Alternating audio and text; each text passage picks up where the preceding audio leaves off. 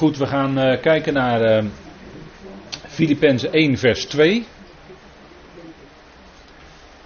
En we zien daar die bijzondere woorden waar Paulus zijn brieven mee begint.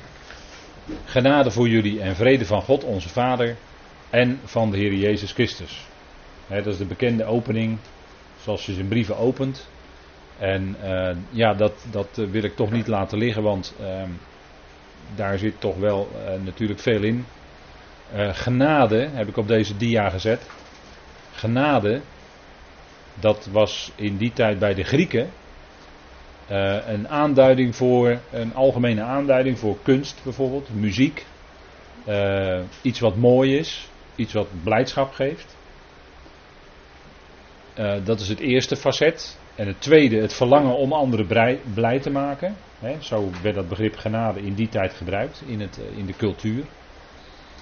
Uh, ook voor 1 en 2 samen. Hè, dus voor kunst, muziek, het mooie en het verlangen om anderen blij te maken. Combinatie ervan.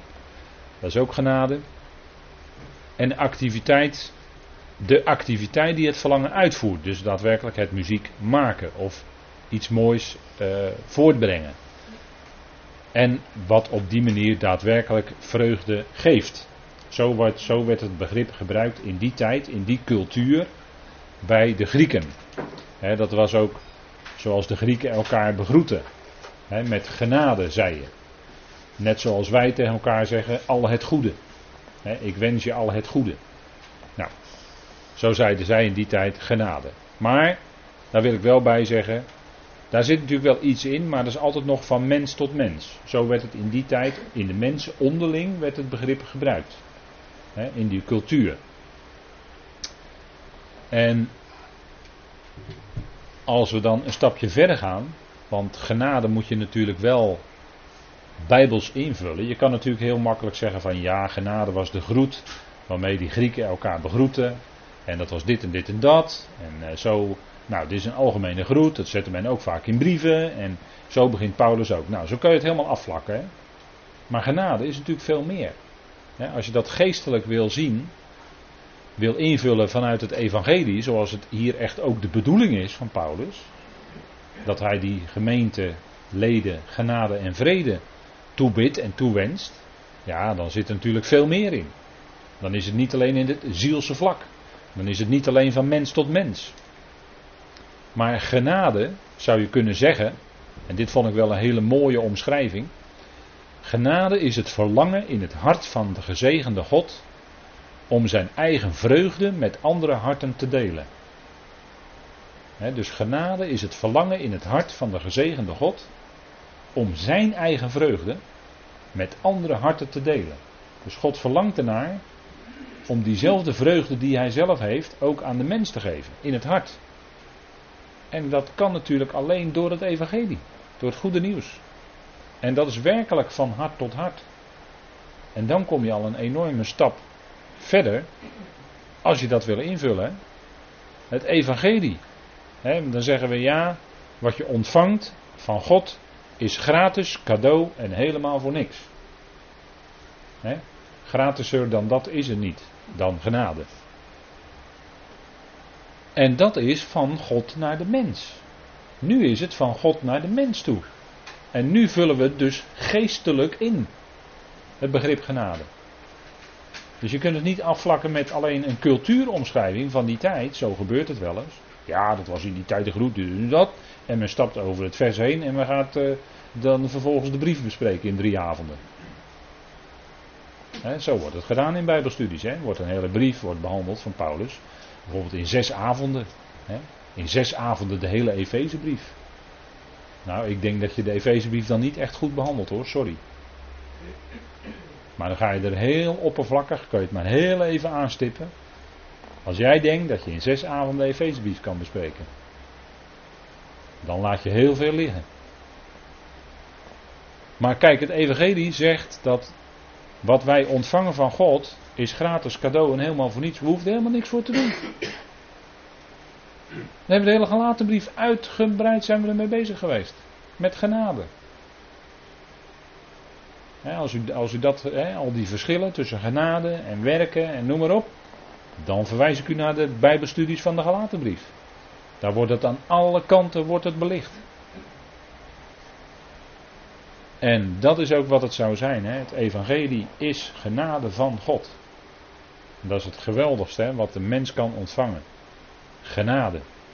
Je kunt er ook helemaal niets voor doen. En dan brengt het ook werkelijk vreugde teweeg in je hart. En dat is juist het verlangen van God. Hij geeft ons zoveel, opdat wij diezelfde vreugde ook in ons hart zouden kennen. Het verheugt God als wij werkelijk vanuit die genade vreugde hebben. Van hart tot hart. Het evangelie is uit het hart van God gegrepen om in ons hart te komen. Nou, dat is het, eh, dat is het geweldige, het bijzondere. En genade, dat vinden wij natuurlijk al in de Romeinenbrief. Hè? En dat is het geweldige, hè? dat is het evangelie. Het geloof van Jezus Christus. En wat levert dat op? Dat wij gerechtvaardigd zijn. Om niet. Om niet. Dus er was in ons geen enkele aanleiding. Integendeel zelfs. Leest u Romeinen 1, 2 en 3 maar. Ieder mens een zondaar. Ieder mens onrechtvaardig. Ieder mens een doelmisser. Ieder mens onnut. Enzovoort enzovoort. Maar nochtans wordt die goddeloze wordt door het geloof van Jezus Christus gerechtvaardigd om niet. Alsjeblieft. En ja, als ik dat lees, ik weet niet hoe het u vergaat, maar als ik dat lees en ik laat deze woorden op me inwerken, dan word ik daar stil van. Daar word ik stil van. Zoveel rijkdom, zoveel genade. Dat God dat aan mij geeft. Is het ook voor mij? Ja, inderdaad. Het is ook voor u, het is voor jou, het is voor mij. In zijn genade staat er nog bij, hè, om het nog even extra te onderstrepen. Om niet in zijn genade. Wat wil je nou nog meer? Door de vrijkoping in Christus Jezus. Het ligt helemaal buiten onszelf. Het is allemaal in Hem. En, en God dank. God dank. Is er helemaal niets van ons bij. Want dat zou het alleen maar bevuilen. Het is puur zuivere genade. Nou, dus er, zitten we alleen nog maar in de Romeinenbrief. Nou, nog maar. Romein is geweldig hoor. Vindt een geweldige brief. Genade aan alle kanten komt je tegemoet. He, dat is geweldig. En nog meer, hè, Romeinen 4. Gaan we nog even door hoor. Want hè, bij Abraham, degene die niet werkt. Alsjeblieft. Duidelijker kan het niet, hè?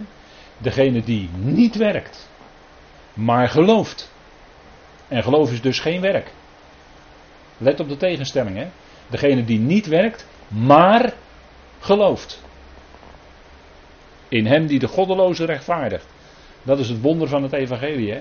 In het evangelie worden de, niet de rechtvaardigen gerechtvaardigd, zoals onder de wet. In de wet staat, Deuteronomium 25, je zult de rechtvaardige rechtvaardig verklaren. Deuteronomium 25, vers 2. En de goddeloze zul je veroordelen. Maar wat zegt het evangelie? In het evangelie wordt de goddeloze gerechtvaardigd. De goddeloze. Die alles had verspeeld. Precies ja, die, die wordt gerechtvaardigd. En dat is genade. En wordt zijn geloof, wat God geeft, gerekend tot gerechtigheid. Dat is degene die niet werkt. Integendeel, die had er alles aan gedaan om het te verspelen. Hopeloze gevallen. En er waren u en ik. Hopeloze gevallen. En God geeft ons zijn genade. Ongelooflijk. Ik hoop dat u daar nog over verwonderd bent. Dat hoop ik. want dat is om je over te verwonderen hoor. God rechtvaardigt hopeloze gevallen. Precies. Daar waar bij de mens alles uitgesloten is, omdat alles verspeeld is, daar begint God. Zo, zo werkt God, hè?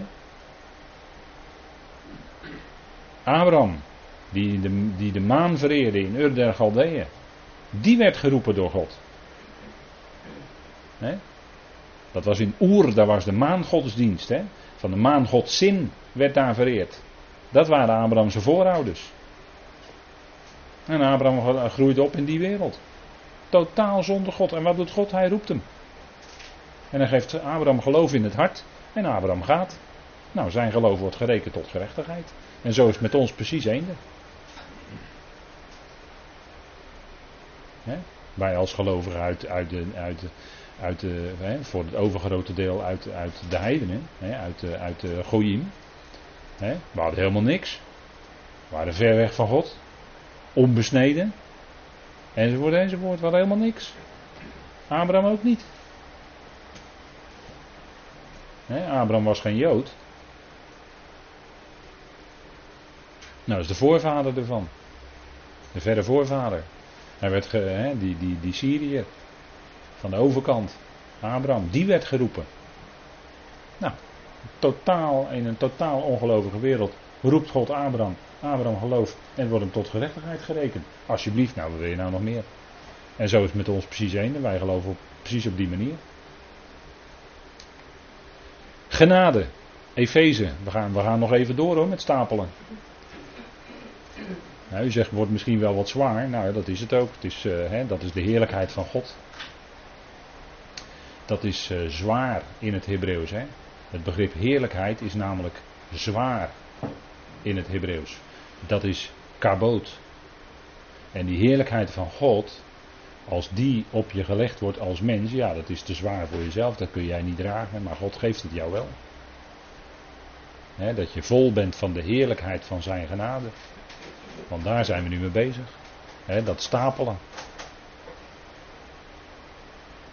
Want in genade, zegt Paulus dan in Efeze 2, hè, zijn, zijn kostbare woorden hoor dit. In genade zijn jullie geredden. Dat is je leefklimaat. Daar leef je in, in genade. Je leeft niet in de wet. Je leeft in genade. Want in genade zijn jullie geredden. Door geloof van Jezus Christus, hè, denk je er dan bij. Door geloof. En dat niet uit jullie zelf. Staat er nog eens een keer bovenop, hè. Door geloof. En dat niet uit jullie zelf. Nee, er is helemaal niks van jezelf bij. Het is Gods naderingsgave. Wie? Wie is Korban? Wie is Korban? De Heer, hè? De Heer Jezus Christus zelf. Hij is de Korban van God. Korban, dat betekent in het Hebreeuws naderen. als een Israëliet kon naderen tot Yahweh, dan kon hij een offergave brengen en dat was Korban. Daarom kon hij naderen. En hier, heeft niet, hier gaat het niet om een naderingsgave van een mens, maar hier gaat het om een naderingsgave, een korban van God. Een doron van God. Die hij gegeven heeft. Is helemaal niet van onszelf bij. Het is Gods naderingsgave. We hoeven er zelf niets te brengen hoor. Want dan ben je weer met religie bezig. Met je altaartje in je huisje waarop je eten moet offeren aan de afgoden. Of aan Boeddha of zo, een Boeddha-beeld. Ja, die zijn, daar struikel je over tegenwoordig, hè, die Boeddha-beelden. Nee? Maar er is helemaal niks te vertellen, joh, die Boeddha. is allemaal, allemaal filosofie van mensen. Kom je geen stap verder mee. Breng je niet in het licht hoor. Echt niet. Het is Gods naderingsgave, niet uitwerken. Nou, duidelijker kan het niet, hè? Duidelijker kan het niet. En nu komt waar het steekt bij de mensen. Nu komt waar het steekt in het vlees van de mens. Doordat Paulus zegt, opdat niemand zich zal beroemen. Daarom hebben mensen moeite met genade, want het evangelie is niet naar de mens. Naar de mens is dat jij die iets kan doen, zodat jij je kan beroemen.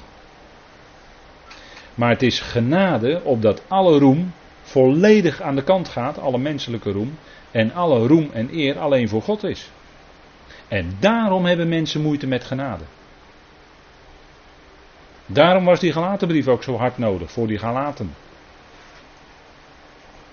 Ga niet doen, maar ga laten. Hè? Dat is genade. Ga leven uit genade. Dat is een rijk leven. Dat is een leven met vreugde in je hart. Ook al kunnen er best tranen zijn, en misschien wel veel, maar dan heb je toch vreugde in je hart. En het is genade opdat niemand zich beroemen zal. Dat steekt. Dat steekt de mens. Dat steekt in het vlees van de mens. Want het vlees wil zich graag ergens op beroemen. Het vlees is blij dat hij misschien in een, blij, in een bepaalde familie is geboren. Of het vlees is misschien blij dat hij in een bepaalde stad is geboren. Kan hij zich op beroemen. Zo van ik ben een uh, Groninger of zo. Ben je dan trots op? Oh ja, had je dan wat te vertellen waar je geboren werd? Zei God toch tegen Job? Had jij, had jij wat te vertellen waar je dan geboren werd? en als, uh, dat is toch hetzelfde als wat dat die mens in uh, Romeinen vraagt van... Uh, is er dan onrechtvaardigheid bij God? dat hij Jacob kiest. Dat hij Jacob kiest. Jacob. die hiel, maar het betekent ook vasthouden. Dat mannetje wat kromme wegen ging. En toch kiest God Jacob uit. En Esau stelt hij op de tweede plaats. Terwijl wij zouden kiezen voor Esau. Maar God kiest een Jacob. En dan zegt de mens, de vragensteller in Romeinen, die zegt dan: Ja, maar is dat dan niet onrechtvaardig van God? En uh, weet u wat dan het antwoord is? Wie ben jij, o mens? Wie ben jij? Wie ben jij? Denk jij dat jij op dezelfde manier als God het kan bekijken dan? Stel jij je dan op dezelfde hoogte als God? Of meen je in je hoogmoed God ter verantwoording te kunnen roepen voor de keuzes die Hij maakt? Wie ben jij, o mens? He, Romeinen 9. Wie ben je? Nou, als het erop aankomt, helemaal niets. Je hebt helemaal niets te vertellen. je kan, vandaag kan je je misschien nog beroemen op prestaties. En morgen kan het in, heel anders zijn. En wie ben jij nou, o mens? Je hebt helemaal niks te vertellen. Opdat niemand zich beroemen zal. Dat alle roem alleen naar God uitgaat. dat is het punt, hè. Kijk, ook bij de gelovige mens steekt het op dat punt. Want het is niet alleen zo dat wij zijn gered in genade, maar vervolgens, en dat heb ik meerdere, vele, vele keren bij de gelaten bespreking benadrukt, dat het vervolg van onze levenswandel als gelovigen ook genade is. En dat steekt ook de gelovige mens. Dat steekt. Maar het gaat erom dat God alle eer zou krijgen in ons leven en niet wij zelf. Opdat niemand zich beroemen zal. daar gaat het om. Nou. Goed, genade. Dus nu hebben we wat even ingevuld, dat begrip genade die rijkdom die in dat begrip vervat zit, want we hebben dan maar enkele facetten bekeken natuurlijk. Maar ik wilde het u toch laten klinken, omdat ik niet zomaar aan zo'n vers voorbij wil lopen. En dan vrede, hè? Shalom. En dan kun je weer zeggen, ja, zo begroeten de Joodse mensen elkaar. Shalom, shalom. Of als de Sabbat begint, Shabbat shalom, zeggen ze dan. Hè? Nou, wat wensen ze dan? Dat is heel mooi hoor. Dat is ik bedoel helemaal niet verkeerd of zo. Er is niks mis mee. Hè? Shalom. Je wenst elkaar welstand. Hè? Want shalom betekent niet alleen vrede, wapenstilstand. Maar het betekent veel meer. Hè? Het betekent welstand. Of welzijn. Uh, natuurlijk ook vrede. Dat er een situatie is van vrede en geen oorlog. Hè? Dat, dat, en, en nog meer. Hè? Het houdt nog meer in. Hè? Maar vandaar dat men ook zich elkaar onderling begroet. Hè? Dus als dat er allemaal in doorklinkt, is dat heel veel. Dat is heel mooi. Maar daar kun je het niet alleen bij laten, hè, want nogmaals, we zitten hier natuurlijk met brieven van Paulus en het evangelie wat hij verkondigde. En wat zit er dan achter die vrede? Nou, vrede, als je dat kijkt vanuit Tenach, dat woord shalom, dan is het natuurlijk het verbond van de vrede, hè, wat genoemd wordt. Maar ook die verschillende facetten, ik heb ze hier even op de dia gezet en we kunnen ze nu niet bespreken met elkaar, al die teksten. Um, maar bijvoorbeeld komt het voor in Psalm, zou ik er één nemen, Psalm 122, vers 6. Hè, bid voor de vrede van Jeruzalem, staat er dan. Maar eigenlijk staat er niet bidden, maar er staat vraag. Eigenlijk staat er in Psalm 122, vers 6, vraag om of naar de vrede van Jeruzalem. En in, in de vertalingen staat er vrijwel altijd bidden, hè, omdat men denkt dat bidden altijd iets vragen is aan God. Maar we komen op gebed komen nog terug in de volgende versen, dus daar gaan we nog verder op in. maar uh, er staat eigenlijk in het Hebreeuws staat er vraag naar de vrede van Jeruzalem. En er zijn natuurlijk heel veel mensen die nu vandaag de dag bidden voor de vrede van Jeruzalem. En natuurlijk, die vrede gaat ook komen, alleen nu nog niet. Nu nog niet. Eerder vanavond keken we even naar wat foto's over Jeruzalem. En dan zit je daar zo op die olijfberg. En dan weet je dat veel mensen bidden voor de vrede van Jeruzalem. En op zich is daar helemaal niks verkeerds aan. Alleen besef wel dat God dat gebed zal verhoren. Alleen dat gaat hij op zijn tijd doen. Dat gaat hij op zijn tijd doen. Dat is nu nog niet. nu zal er zijn onrust, druk op Jeruzalem. Daniel spreekt over vastbesloten verwoestingen. Uh, Jeruzalem zal nog verwoest worden.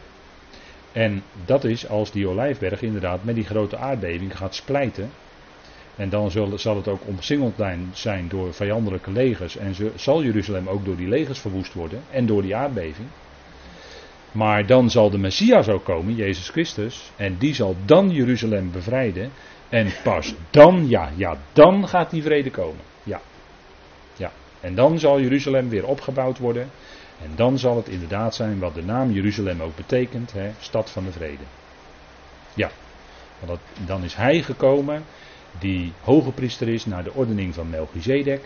En dat wil zeggen, dat betekent ook dat hij koning van Salem was en dat betekent koning des vredes. zo wordt het uitgelegd in de Hebreeënbrief, weet u wel, waarin het uitgebreid gaat over Melchizedek. En daar wordt hij genoemd de koning van Salem uit Genesis 14. En dan is hij koning des vredes. En dat zal de Heer ook zijn. In de duizend jaar, als hij dan als vredevorst Jeruzalem gaat bevrijden. En hij zal dan regeren over Jeruzalem, eigenlijk over de hele wereld. En hij zet dan bijvoorbeeld een David in om namens hem te regeren. Hij zet apostelen in om over de twaalf stammen te regeren. Het wil helemaal niet zeggen dat de Heer lijfelijk duizend jaar in Jeruzalem op aarde is. Dat wil het helemaal niet zeggen. Maar hij is wel koning des vredes, koning over Israël. De stad van de grote koning is het natuurlijk. En dan zal, dan zal er inderdaad er werkelijk vrede komen. En daar, lees Psalm 122 dan maar, daar gaat Psalm 122 ook over. Dat is een van de psalmen van de opgangen. Hè? Waarschijnlijk van koning Hiskia. Psalmen van de opgangen staat er dan. En je moet ook als je naar Jeruzalem gaat, dan ga je op, dan ga je omhoog. En je gaat op naar Jeruzalem, omhoog, opwaarts. En dat is ook eh, de gang die men maakt als men die feesten gaat vieren, drie keer per jaar. Dan moet je opgaan naar Jeruzalem. Dus die stad die daar hoger gelegen is. En dat, van daaruit zal dan ook het onderricht uitgaan over de hele wereld, naar de volkeren enzovoort enzovoort. Dan zal die shalom, die shalom, dat welzijn, die vrede, zal ook bewaard worden door de Messias en door de, door de Israël met een ijzeren roede. De volkeren hoeven het niet wagen om in opstand te komen tegen Israël, want het zal neergeslagen worden. En zo zal hij via zijn dienstknechten de vrede van Jeruzalem bewaren. Het welzijn van zijn volk vasthouden. Zo zal het zijn in de komende tijd. Nou, shalom. Dat is vanuit het Hebreeuws. wij kennen ook het verbond van vrede. Dat staat in Jesaja 54 vers 10. En het verbond van de vrede, dat is eigenlijk een aanduiding van het nieuwe verbond. En u weet dat het nieuwe verbond wordt gesloten met het huis van Juda en met het huis van Israël.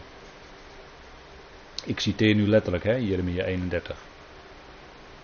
dat nieuwe verbond, ook naar Ezekiel, wordt gesloten met het huis van Israël, de tien stammen, en met het huis van Juda, de twee stammen. En het zal worden één kudde, één herder, dat weet u hè. Het wordt dan één gemaakt. Dat is ook de eenmaking van de naam. Daar ga ik nu niet verder op in. Maar dat is het heel maken van de naam van Yahweh. Heeft daarmee te maken. Nou, en dat evangelie van het koninkrijk, wat gepredikt werd, was het goede nieuws. Was, hè, het woord is vlees geworden. Dat vlees, dat duidt op die evangelieverkondiging. Dat nieuwe verbond. Dat is het evangelie van het koninkrijk. Dat is de prediking van het nieuwe verbond. En dat wil dus zeggen dat het oude verbond voorbij is. Anders hoef je niet te spreken over een nieuw verbond. Oude verbond is dus voorbij. Er komt een nieuw verbond, het goede nieuws. En wie kwam als de boodschapper van het nieuwe verbond? Jezus Christus zelf. Voorzegt in Malachi 3 vers 1. Die boodschapper van Yahweh is de boodschapper van het nieuwe verbond. Jezus Christus, zo kwam die. Als boodschapper van het nieuwe verbond. Leest u maar in Marcus 1 vers 2. Daar wordt verwezen naar Malachi 3. En de naam Malachi betekent trouwens ook mijn boodschapper. Hè? Mlaki. En die i is dan een jot, dat betekent mijn, mijn boodschapper, zegt Yahweh. Dat is Jezus Christus. Die kwam als boodschapper van het nieuwe verbond. In, uh, in Marcus staat dat allemaal. Dus dat is het verbond van vrede, van shalom. En die zal ook komen. Zijn shalom wordt werkelijkheid, wordt er vaak gezongen in evangelische gemeentes. En dat is in de duizend jaar. Op aarde. daar gaat dat lied eigenlijk over.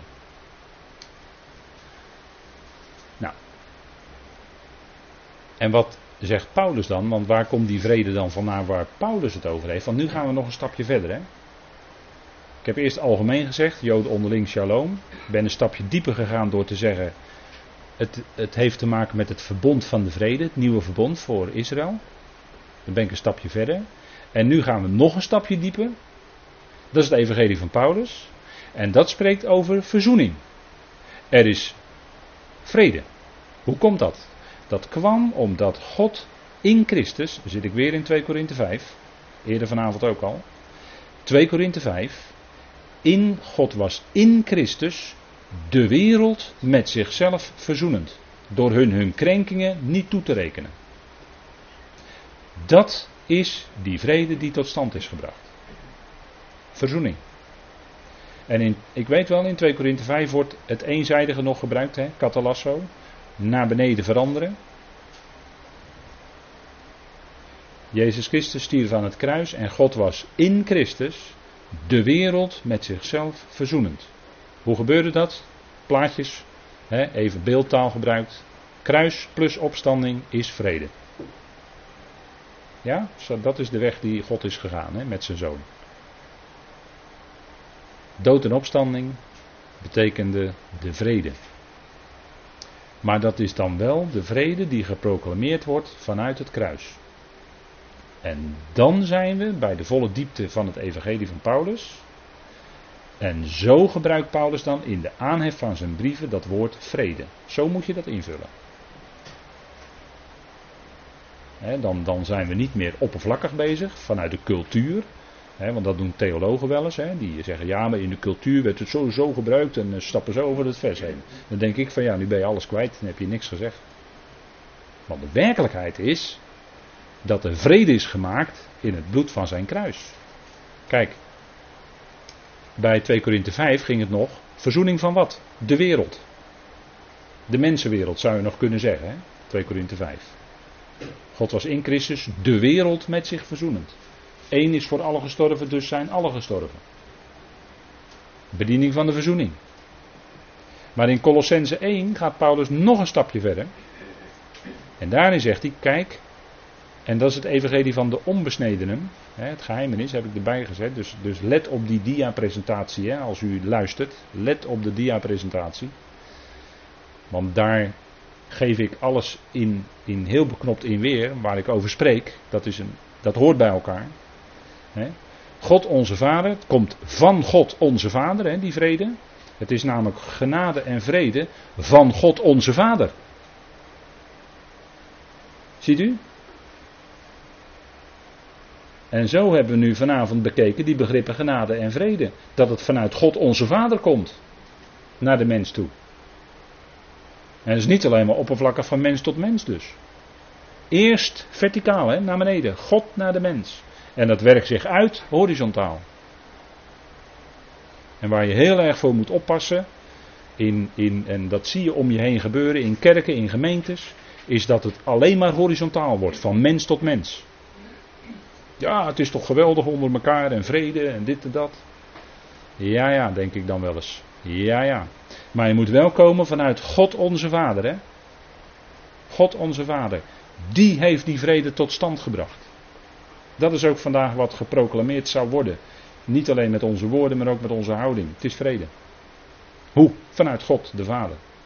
En waar leidt dat toe? Tot wederzijdse verzoening. En dan heb je apokat alasso. Van wat? Van de hele schepping. De hele schepping.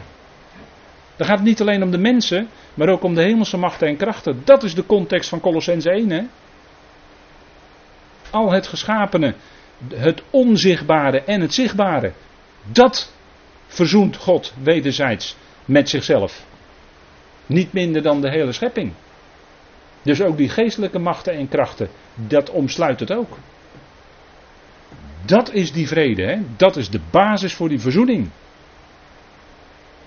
En nu zijn we er. Nu hebben we dat woord vrede ingevuld zoals je dat moet lezen in de brieven van Paulus.